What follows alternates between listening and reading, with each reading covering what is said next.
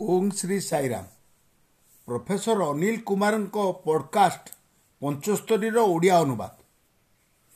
ଓଂ ଶ୍ରୀ ସାଇରାମ ପ୍ରଶାନ୍ତି ସନ୍ଦେଶର ପଞ୍ଚସ୍ତରୀତମ ଅଧ୍ୟାୟ ତୁମକୁ ଆମନ୍ତ୍ରଣ କରୁଛି।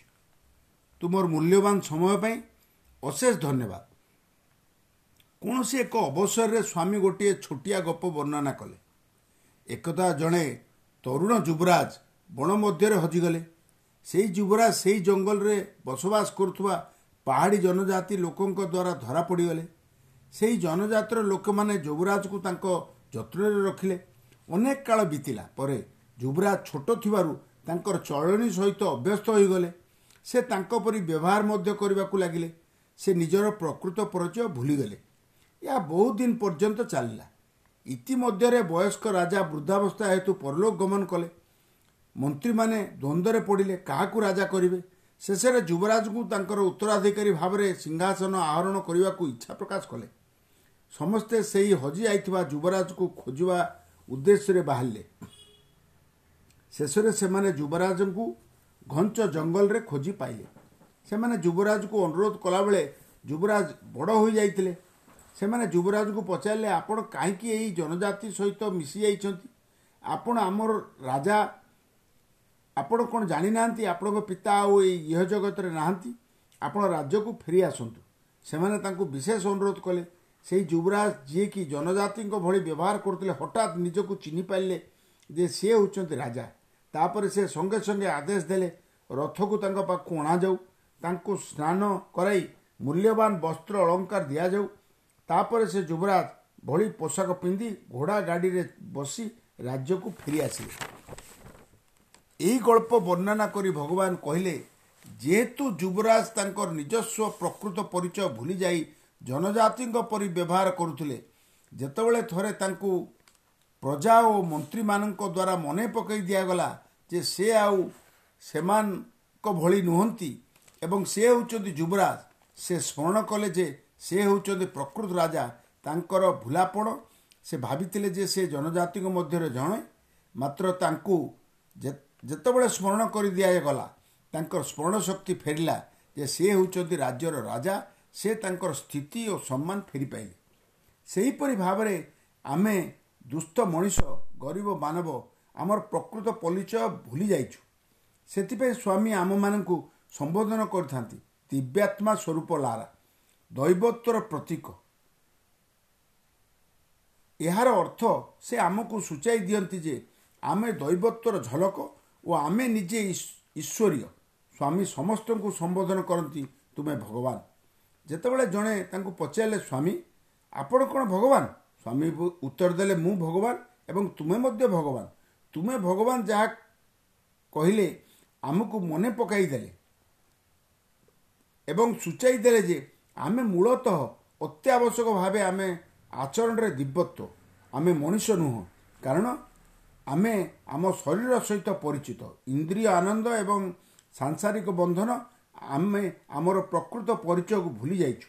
ଯେଉଁଟା ଆମର ଦୈବତ୍ୱ ସେହି ହେତୁରୁ ଏହି ପରିପ୍ରେକ୍ଷୀରେ ଆମକୁ ଚିନ୍ତା କରିବାକୁ ପଡ଼ିବ ଯେ ଆମେମାନେ ସମସ୍ତେ ଦୈବତ୍ୱର ଝଲକ ଏବଂ କେହି କହିବା ଉଚିତ ନୁହେଁ ଯେ ମୁଁ ଦିବ୍ୟତ୍ୱ ହାସଲ କରିଛି ମୁଁ ଦିବ୍ୟତ୍ୱ ପାଇଛି।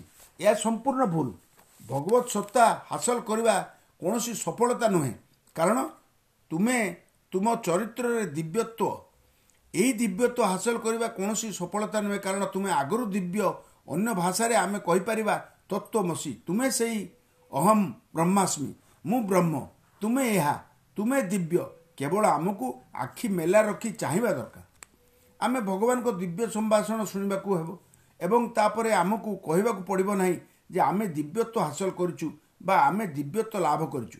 ଏହିପରି ବାକ୍ୟ ନିରର୍ଥକ। କାରଣ ମୁଁ ଯେତେବେଳେ କହେ ମୁଁ ଦିବ୍ୟତ୍ୱ ଲାଭ କରିଛି ଏହାର ଅର୍ଥ କ'ଣ? ଯେପରି ଦିବ୍ୟତ୍ୱ ତୁମଠୁ ଅଲଗା ଅଟେ। ତୁମେ ଜଣେ ସନ୍ଧାନକାରୀ ଏବଂ ଦିବ୍ୟତ୍ୱ ହେଉଛି ପ୍ରାପ୍ତ। ମାତ୍ର ମୌଳିକ ତଥ୍ୟ ହେଲା ସନ୍ଧାନକାରୀ ହେଉଛି ପ୍ରାପ୍ତ। ପ୍ରାପ୍ତି ସନ୍ଧାନକାରୀ ଠାରୁ ଅଲଗା ନୁହେଁ। ଏହା ଆମକୁ ହୃଦୟଙ୍ଗମ କରିବାକୁ ପଡ଼ିବ। ତୁମେ ହେଉଛ ସେଇ ଯାହାକୁ ତୁମେ ଖୋଜୁଛ। ଏହା ଭଗବାନଙ୍କର ଉକ୍ତି। ଧର ଜଣେ ପରିବ୍ରାଜକ ଭାବେ ତୁମେ ଗୋଟିଏ ସ୍ଥାନରୁ ଆରମ୍ଭ କରି ଲକ୍ଷ୍ୟସ୍ଥଳକୁ ଯିବ। ତୁମେ ଯେତେବେଳେ ପହଞ୍ଚ ସେଠାରେ ତୁମର ସମୟ ଓ ସ୍ଥାନ ଅଛି। ମାତ୍ର ଦିବ୍ୟତ୍ୱକୁ ନିଜ ଭିତରେ ଅନୁଭବ କରିବା ପାଇଁ ଆମର କୌଣସି ସମୟ ବା ସ୍ଥାନ ଦରକାର ନାହିଁ। କାରଣ ତୁମେ ବାସ୍ତବରେ ଦିବ୍ୟତ୍ୱ। ଭଗବାନ ଆଉ ଏକ ଉଦାହରଣ ଦେଲେ।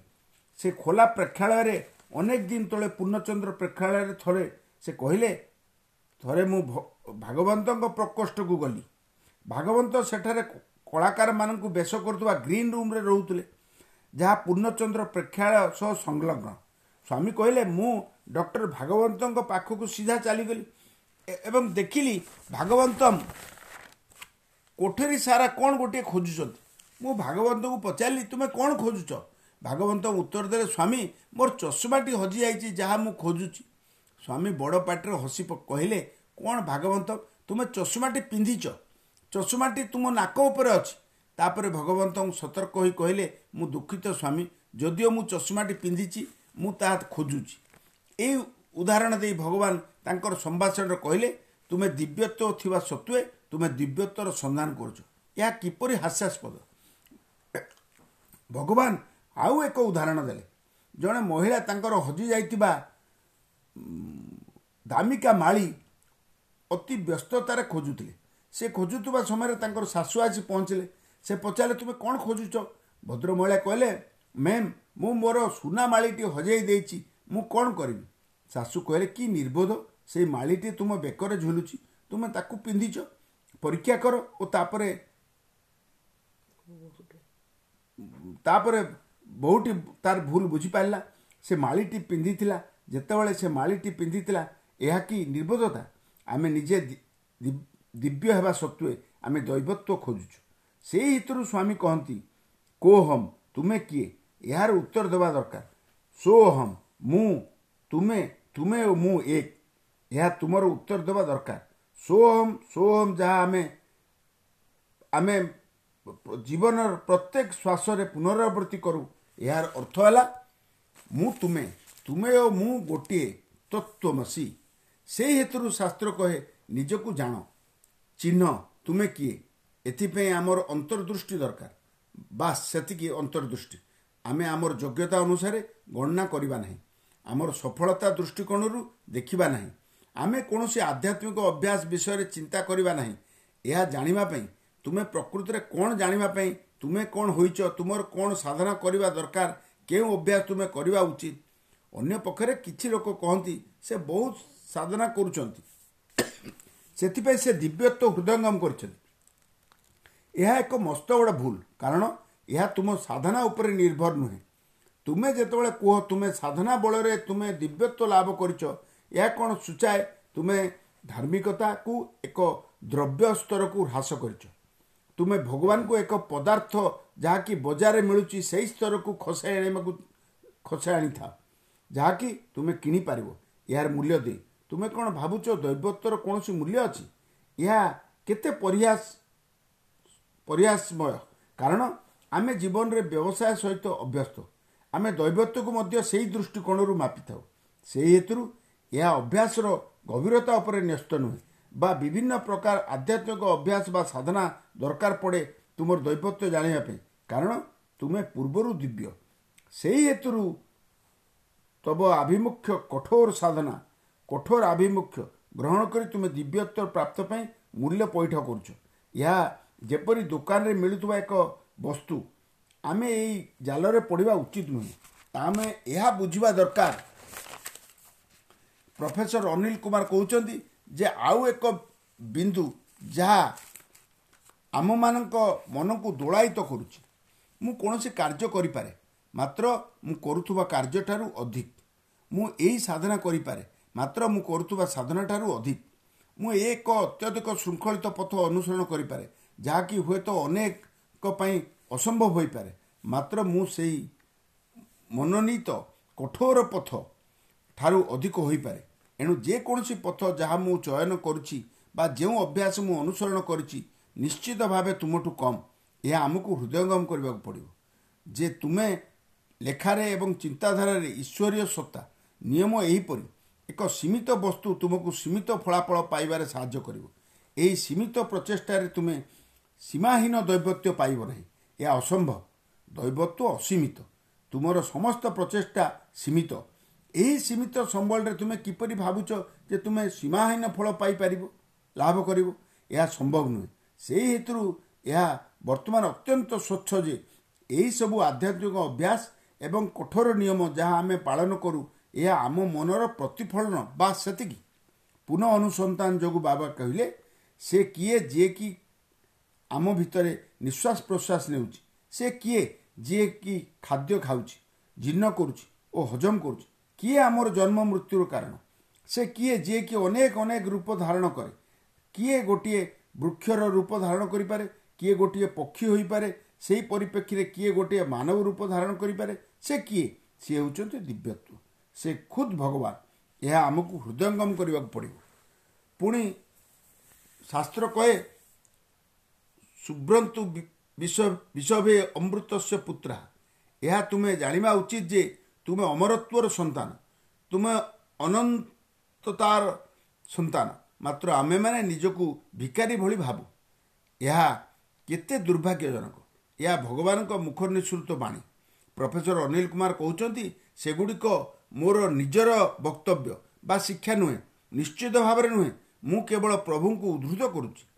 ତେଣୁ କିଛି ଲୋକ କହନ୍ତି ମୁଁ ସ୍ୱାମୀଙ୍କୁ ହରାଇଛି। ମୁଁ ସ୍ୱାମୀଙ୍କ ଠାରୁ ଦୂରରେ ଅଛି। କେତେ କୌତୁକପୂର୍ଣ୍ଣ ବିବୃତ୍ତି ତୁମେ ନିଜକୁ ନିଜଠାରୁ ଦୂରରେ ଅଛି। କେତେ କୌତୁକପୂର୍ଣ୍ଣ କଥା। ତୁମେ ନିଜକୁ ସତ୍ତାହୀନ କରିପାରିବ ନାହିଁ। କାରଣ ସେଇ ଆମ ହିଁ ଭଗବାନ ଆତ୍ମା ହିଁ ଆତ୍ମ ହିଁ ଭଗବାନ। ଏଣୁ ତୁମେ ଭଗବାନଙ୍କୁ କିପରି ହରାଇପାରିବ? ଅସମ୍ଭବ। ଏହା କେବଳ ପାଗଳମାନଙ୍କ ବିବୃତ୍ତି ତୁମେ ଭଗବାନଙ୍କୁ ହରାଇ ପାରିବ ନାହିଁ। ଯେହେତୁ ତୁମେ ଭଗବାନ ଯେ ପର୍ଯ୍ୟନ୍ତ ତୁମେ ନିଜକୁ ହରାଇ ପାରିନାହଁ ତୁମେ କେତେ ପ୍ରଳାପ କଲେ ମଧ୍ୟ ତାହା କହିପାରିବ ନାହିଁ। କାରଣ ତୁମେ ସେତେବେଳେ ଆଉ ଇହଧାମରେ ନଥିବ। ସେହି ହେତୁରୁ ବର୍ତ୍ତମାନ ଏହା ସ୍ପଷ୍ଟ। ଆମେ ଏ ପ୍ରକାର ଅନୁସନ୍ଧାନ ତ୍ୟାଗ କରିବା ଉଚିତ। ତୁମେ ଯେତେବେଳେ ଏ ପ୍ରକାର ଅନୁସନ୍ଧାନକୁ ବର୍ଜନ କରିବ ତୁମେ ନିଜର ଅନ୍ତର ଭିତରେ ଦିବ୍ୟତ୍ୱକୁ ଅନୁଭବ କରିବ। ଏହା ଭଗବାନ ବୁଦ୍ଧଙ୍କ ପାଖରେ ଘଟିଥିଲା ଯିଏକି ଭଗବାନଙ୍କୁ ପାଇବା ପାଇଁ ଦୀର୍ଘ ଛଅ ବର୍ଷ କାଳ ଖୋଜି ବୁଲିଥିଲେ। ପରିଶେଷରେ ଯେତେବେଳେ ସେ କର୍ତ୍ତାହଂ ପ୍ରବୃତ୍ତି ତ୍ୟାଗ କଲେ କ'ଣ ହେଲା? ମନ ସ୍ଥିର ହେଲା। ଅହଂ ଭାବର ପରିସମାପ୍ତି ଘଟିଲା। ତାପରେ ସେ ବନ୍ଧନମୁକ୍ତ ଅବସ୍ଥାକୁ ଆସିଲେ। ସେତେବେଳେ ଆଉ କିଛି କରିବାର ନାହିଁ। କିଛି ଆଉ ନାହିଁ। ସେହି ସ୍ଥିତିରେ ଭଗବାନ ବୁଦ୍ଧ ମୁକ୍ତିର ସ୍ତର ଲାଭ କଲେ। ସେ ଦିବ୍ୟତ୍ୱ ଲାଭ କଲେ। ତାଙ୍କର ସେହି ଦିବ୍ୟତ୍ୱ ସେ ବନ୍ଧନମୁକ୍ତ ପାଇଁ ପ୍ରାପ୍ତ ହେଲେ। କାରଣ ବୁଦ୍ଧ ତାଙ୍କର ନାମ ନୁହେଁ। ସେ ହେଲେ ସିଦ୍ଧାର୍ଥ। ସେ ବୁଦ୍ଧ ହୋଇ ତାର ମାନେ ହେଲା ସେ ବୌଦ୍ଧତ୍ୱ ପ୍ରାପ୍ତ ହେଲେ ଯାହା ନିର୍ଲିପ୍ତ ସ୍ତରକୁ ବୁଝାଏ। ଆମେ ଅନେକ ସମୟରେ ଚିନ୍ତା କରୁ କିଛି ଲୋକ ନିଜକୁ ସମ୍ପୂର୍ଣ୍ଣ ନିର୍ଲିପ୍ତ ବୋଲି ଦାବି କରନ୍ତି। ସେମାନେ ଭାବନ୍ତି ଯେ ସେମାନେ ଯୋଗୀ ନିଶ୍ଚିତ ଭାବରେ ନୁହେଁ। କାରଣ ଏହି ଯୋଗୀମାନେ ପୃଥିବୀରୁ ଅନାସକ୍ତ ଥାନ୍ତି କାରଣ ସେମାନେ ଭାବନ୍ତି ସ୍ୱର୍ଗରେ ଆନନ୍ଦ ଅଛି ଓ ଆନନ୍ଦ ହେଉଛି ସ୍ୱର୍ଗ। ଏବଂ ସେମାନେ ଭାବନ୍ତି ମୃତ୍ୟୁ ପରେ ଜୀବନରେ ଆନନ୍ଦ ପାଇବେ। ଏହା ସମ୍ପୂର୍ଣ୍ଣ ନିର୍ବୋଧତା। ତୁମେ ବିଷୟଶକ୍ତ ମଣିଷ ହୋଇପାର ବା ତୁମେ ଏକ ଯୋଗୀ ହୋଇପାର ମାତ୍ର ସବୁବେଳେ ଆନନ୍ଦ ପାଇଁ ଏକ ପ୍ରଚେଷ୍ଟା ଚାଲିଛି। ତୁମେ ସବୁବେଳେ ଆନନ୍ଦ ଆଶା କର ଏକ ଗୃହସ୍ଥ ହିସାବରେ ବା ଏକ ଯୋଗୀ ହିସାବରେ। ମାତ୍ର ଏହା ଭୁଲ। ତେଣୁ ବନ୍ଧନ ବୋଲି କିଛି ନାହିଁ ନିରାସକ୍ତ ବୋଲି କିଛି ନାହିଁ ଏହା ଅନାସକ୍ତ। ଏହି ସ୍ତରରେ ବୁଦ୍ଧ ସଚେତନତାରେ ବିଶ୍ରାମ କଲେ ଏବଂ ସେ ସତ୍ୟ ହୋଇ ଯୋଡ଼ି ହେଲେ। ସତ୍ୟ ସହ ଯୋଡ଼ି ହେଲେ। କାରଣ ଏକ ଲମ୍ବା ସମୟ ଖୋଜିବା ଦ୍ୱାରା ତାଙ୍କର ଶରୀର ଓ ମନ ଶିଥିଳ କ୍ଳାନ୍ତ ହୋଇଯାଇଥିଲା। ସେ ଆଉ କୌଣସି ପ୍ରୟାସ କରିବା ସ୍ତରରେ ନଥିଲେ। ସେ ସେତେବେଳେ ଆରାମଦାୟକ ସ୍ତରରେ ରହିଲେ ତାଙ୍କର ଆଉ ବିଚଳିତ ହେବାର ନଥିଲା। ଏହା ମଧ୍ୟ ବୁଦ୍ଧଙ୍କ ଜୀବନରେ କୁହାଯାଇପାରେ। ଯେତେବେଳେ ସେ ବୌଦ୍ଧତ୍ୱ ଲାଭ କଲେ ଆକାଶର ଶେଷ ତାରାଟି ଉଭେଇ ଯାଇଥିଲା। ଏହା ସାଙ୍କେତିକ। ଶେଷ ତାରା ମାନେ ମନ। ମନ ମଧ୍ୟ ଉଭେଇଗଲା କେବଳ ମନ ଅପସରି ଗଲା ପରେ ଜଣେ ଦିବ୍ୟତ୍ୱ ଲାଭ କରେ। ଏହି ଦିବ୍ୟତ୍ୱ ଘୋର ନିରବତାରେ ହିଁ ହାସଲ ହୁଏ ପୂର୍ଣ୍ଣ ଶୂନ୍ୟତା ଖୋଲା ଆକାଶ ଯେଉଁଠି ସମ୍ପୂର୍ଣ୍ଣ ଶୂନ୍ୟତା ବିରାଜମାନ ତୁମକୁ ଗୋଟେ ଉଦାହରଣ ଦେବାକୁ ସ୍ୱାମୀ ଗୋଟେ ଦିନ ତାଙ୍କର ପାପୁଲି ବଢ଼ାଇ କହିଲେ ଏଠି କ'ଣ ଅଛି? ସ୍ୱାମୀ ଏହା ଖାଲି କିଛି ନାହିଁ। ସ୍ୱାମୀ କହିଲେ କ'ଣ ବହୁତ ନିର୍ବୋଧ ଭାବରେ କହୁଛ ନିର୍ବୋଧ ଭାବରେ? ସବୁ କିଛି ନୁହେଁ। କିଛି ନୁହେଁ ସବୁ କିଛି। ତୁମେ ଏଠି କିଛି ନ ପାଇପାର। ମାତ୍ର ଏଇ କିଛିକୁ ସବୁ କିଛି ଅଛି। ଏହା ବାବା କହିଲେ ସେ ସେଇ ହେତୁରୁ ଏହା ହେଉଛି ସେଇ ଶୂନ୍ୟ ଅବସ୍ଥା। ତୁମେ ନିଶ୍ଚିତ ଭାବରେ ତୁମର ଅନ୍ତରରେ ଦିବ୍ୟତ୍ୱକୁ ଚିହ୍ନି ପାରିବ। ଏଣୁ ଦିବ୍ୟତ୍ୱ କିଛି ନ କରିବାରେ ଅଛି। କାରଣ ତୁମେ ଯାହା କର ତାହା ମନ ଦ୍ୱାରା ପ୍ରେରିତ ହୋଇଥାଏ। ତୁମେ ମନ ନୁହଁ। ଦିବ୍ୟତ୍ୱ ମନର ପରିସୀମା ବାହାରେ। ଯଦି ଦିବ୍ୟତ୍ୱ ମନର ପରିସୀମା ବାହାରେ ତାହେଲେ ଆମେ ସବୁ କ'ଣ କରୁ? ମନ ଦ୍ୱାରା ପରିଚାଳିତ ହୋଇ ସେହି ଅବସ୍ଥାକୁ କେବେ ଆସିପାରିବା? ଏହା ଆମେ ସମସ୍ତେ ହୃଦୟଙ୍ଗମ କରିବା ଉଚିତ। ସ୍ୱାମୀ ତାଙ୍କର ସମ୍ଭାଷଣରେ ଆଉ ଏକ ଉଦାହରଣ ଦେଲେ କସ୍ତୁରୀ ମୃଗର ତୁମେ ସବୁ ଜାଣିଛ। ସେହି କସ୍ତୁରୀ ମୃଗର ସୁଗନ୍ଧି ଯାହାକି ଅତ୍ୟନ୍ତ ସୁବାସିତ। ମାତ୍ର କସ୍ତୁରୀ ହରିଣଟି ଭାବେ ସୁଗନ୍ଧ ସୁବାସ ଅନ୍ୟ କେଉଁଠୁ ଆସୁଛି? ସେଥିପାଇଁ କସ୍ତୁରୀ ମୃଗଟି ଦୌଡ଼ିଥାଏ। ଯେତେ ପର୍ଯ୍ୟନ୍ତ ସେ କ୍ଳାନ୍ତ ନ ହୋଇଛି ସେ ଯେତେବେଳେ ଧରାଶାୟୀ ହୁଏ କସ୍ତୁରୀ ମୃଗଟି ତାର ନାସିକା ତାର ଶରୀର ପାଖରେ ରଖେ ଏବଂ ହୃଦୟଙ୍ଗମ କରେ କି ଏହି ସୁଗନ୍ଧ ନିଜର ନାଭିରୁ ଜାତ ବାହାରୁ ନୁହେଁ ସେହିପରି ଭାବରେ ଭଗବାନଙ୍କୁ ତଲାସ କରିବାକୁ ଯାଇ ଏଠାକୁ ସେଠାକୁ ଦୌଡ଼ି ତୁମେ ଭଗବାନଙ୍କୁ କେଉଁଠାରେ ବି ପାଇବ ନାହିଁ କାରଣ ସେ ତୁମ ଭିତରେ ଅଛନ୍ତି। ଓ ତୁମେ ହିଁ ଭଗବାନ। ସେହି ହେତୁରୁ ଆମେ ସବୁ କର୍ତ୍ତାହଙ୍ଗର ଅଭିନୟ ଛାଡ଼ି ଲୋକଙ୍କ ପଛରେ ଦୌଡ଼ିବା ବନ୍ଦ କରିବା ଉଚିତ। ଆମେ ମଧ୍ୟ କଠିନ ବା ତୀବ୍ର ଆଭିମୁଖ୍ୟ ବନ୍ଦ କରିବା ଉଚିତ। ଯାହାକି ଆମେ ସାଧନା ନାମରେ କରିଥାଉ। ଏହା ଅତ୍ୟନ୍ତ ନିର୍বোଧତା ଅନେକ ଭାବନ୍ତି ଅବିରତ ଭାବରେ ଉପବାସ କଲେ ସେମାନେ ଦିବ୍ୟତ୍ୱ ଲାଭ କରିବେ। ଦୁହେଁ ଯାକ ନିର୍ବୋଧ। ଉପବାସରେ ଆତ୍ମ ଉପଲବ୍ଧି ସହିତ କୌଣସି ସମ୍ବନ୍ଧ ନାହିଁ। ଶେଷରେ ତୁମେ ଗୋଟିଏ କଙ୍କାଳରେ ପରିଣତ ହେବ। ଏହା ଦିବ୍ୟତ୍ୱର ରାସ୍ତା ନୁହେଁ। ଏହା ଦିବ୍ୟତ୍ୱର ଫାଟକ ଖୋଲେ ନାହିଁ। ଅନେକ ଲୋକ ମଧ୍ୟ କହିପାରନ୍ତି ମୁଁ ମୁଣ୍ଡ ତଳକୁ କରି ଶୀର୍ଷାସନରେ ଚାଲିପାରେ। ଠିକ୍ ଅଛି। ସେ ଭାବେ ଯେ ଶରୀରକୁ ଏକ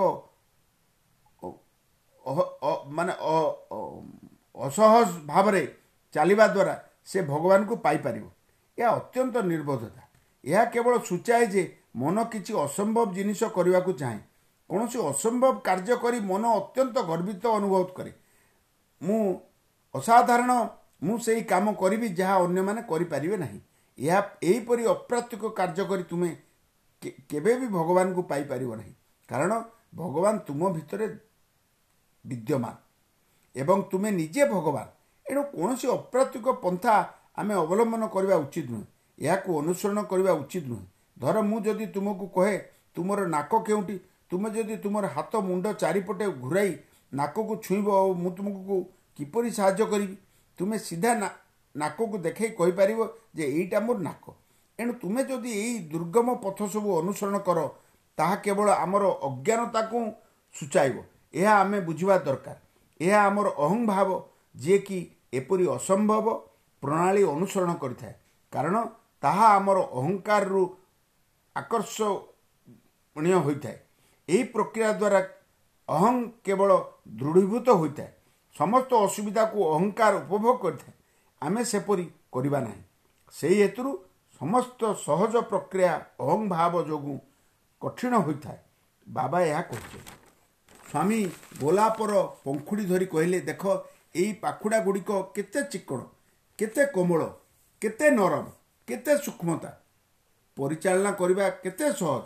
ସେହିପରି ଭାବରେ ଦୈବତ୍ୱକୁ ଏକ ସରଳ ଭାବରେ ବୁଝି ହେବ। ଏହା ଏକ ସହଜ ରାସ୍ତା ଏହା ସ୍ୱାମୀ କହିଛନ୍ତି। ଏଣୁ ସ୍ୱାମୀ ଯେତେବେଳେ କହିଛନ୍ତି ସେହି ମାର୍ଗ ସବୁ ଅତ୍ୟନ୍ତ ସହଜ ଓ ସରଳ ଆମେ କାହିଁକି ଅତ୍ୟନ୍ତ କଠିନ ଓ ବିଶୃଙ୍ଖଳ ପଦ୍ଧତି ସବୁ ସାଧନାରେ ଗ୍ରହଣ କରିବା? ଆମେ କାହିଁକି ସେପରି କରିବା? ଆମେ ଆମର ଯାତ୍ରା ବନ୍ଦ କରିବା। ଲୋକମାନେ ଗୋଟିଏ ସ୍ଥାନରୁ ଆଉ ଗୋଟିଏ ସ୍ଥାନକୁ ଘୁରି ବୁଲିଥାନ୍ତୁ। ତୁମେ କେଉଁଠାକୁ ଯିବାକୁ ଚାହୁଁଛ? ଅନ୍ତ ପ୍ରବେଶ କର। ବାହାର ନୁହେଁ। ବାହ୍ୟ ଭ୍ରମଣର କୌଣସି ସୀମା ନାହିଁ। ତୁମେ କିଛି ପାଇବ ନାହିଁ କାରଣ ସନ୍ଧାନକାରୀ ହିଁ ଖୋଜା ଯାଉଥିବା ବ୍ୟକ୍ତି। ପର୍ଯ୍ୟବେକ୍ଷକ ହିଁ ଦେଖା ଦେଖଣାହାରୀ। ଦର୍ଶକକୁ ହିଁ ଦେଖାଯାଏ। ଶ୍ରୋତାଙ୍କୁ ହିଁ ଶୁଣାଯାଏ। ତୁମେ ଈଶ୍ୱରୀୟ। ଏହି ମୌଳିକ ତତ୍ତ୍ୱ ରାତି ଦିନ ଚିନ୍ତା କରିବା ଦରକାର। ଆମର ପ୍ରକୃତ ପରିଚୟ ଜାଣିବା ପାଇଁ ଚିହ୍ନିବା ହୃଦୟଙ୍ଗମ କରିବା ଓ ଅନୁଭବ କରିବା ପାଇଁ। ଏଣୁ ଆସ ଆରାମ କରିବା। ଆମର ମନ ଶୂନ୍ୟ ଚିନ୍ତାମୁକ୍ତ ଏବଂ ମନକୁ ପ୍ରତ୍ୟାହାର କର। ମନକୁ ସ୍ୱାମୀଙ୍କ ଅନୁପମ ଅତୁଳନୀୟ ନାମରେ ନିମଗ୍ନ କର। ଭଜନ କର। ଆମର ମନ ଧ୍ୟାନ କରିବା ପ୍ରକ୍ରିୟାରେ ମନକୁ ପ୍ରତ୍ୟାହାର କରିବ। ତାପରେ ଯାଇ ଆମେ ଆମ ଭିତରେ ଥିବା ଈଶ୍ୱରୀୟତାକୁ ଅନୁଭବ କରିପାରିବା। ଏହାର କୌଣସି ଅର୍ଥ ନାହିଁ। ଆମେ ଯେତେବେଳେ କହୁଁ ସେ ସେଇ ଧର୍ମର ସେଇ ଧର୍ମର ଅତ୍ୟନ୍ତ କଠୋର ଯାହା ଈଶ୍ୱରତାକୁ ନିଶ୍ଚିତ କରେ ଏହା ସବୁ ମିଥ୍ୟା ଦାବି। ଏଥିରେ ଆମେ ଭାସିଯିବା ଉଚିତ ନୁହେଁ। ସେଇ ହେତୁରୁ ଆମେ ସବୁ ଅତ୍ୟନ୍ତ ସରଳ ନମ୍ର ଆମ ମନର ସେଇ ଶୂନ୍ୟତା ଚିନ୍ତାମୁକ୍ତ ଅବସ୍ଥା ଆମକୁ ନିରନ୍ତର ଏକୀକୃତ ସଚେତନତା ଆଡ଼କୁ ନେଇଯିବ। ଧ୍ୟାନର ଗଭୀର ଅବସ୍ଥାରେ ଆମେ ଜାଣିପାରିବା ଯେ ଆମେ ପ୍ରକୃତରେ ଦିବ୍ୟ ବା ବା ବ୍ୟତୀତ ଆଉ କିଛି ନୁହେଁ। ଦିବ୍ୟ ବ୍ୟତୀତ ଆଉ କିଛି ନୁହେଁ। ଏହା ଆମେ ଚିନ୍ତା କରିବା କାରଣ ଭଗବାନଙ୍କ ଶିକ୍ଷାର ମୂଳ ବାର୍ତ୍ତା ଭଗବାନଙ୍କର ଆବିର୍ଭାବର ଉଦ୍ଦେଶ୍ୟ ଅଛି। ଆମେ ସମସ୍ତେ ବର୍ଷ ବର୍ଷ ଧରି କରୁଥିବା କାର୍ଯ୍ୟକଳାପକୁ ଭଗବାନ ସଂକ୍ଷେପରେ ଗୋଟିଏ ଧାଡ଼ିରେ କହିଛନ୍ତି ମୋର ଲକ୍ଷ୍ୟ ତୁମ ଅନ୍ତରର ଦିବ୍ୟତ୍ୱର ଉନ୍ମିଳନ। ପ୍ରଭୁ ଆମ ସମସ୍ତଙ୍କୁ ଏହି ଆଧ୍ୟାତ୍ମିକ ଯାତ୍ରା ପାଇଁ ଆଶୀର୍ବାଦ କରନ୍ତୁ।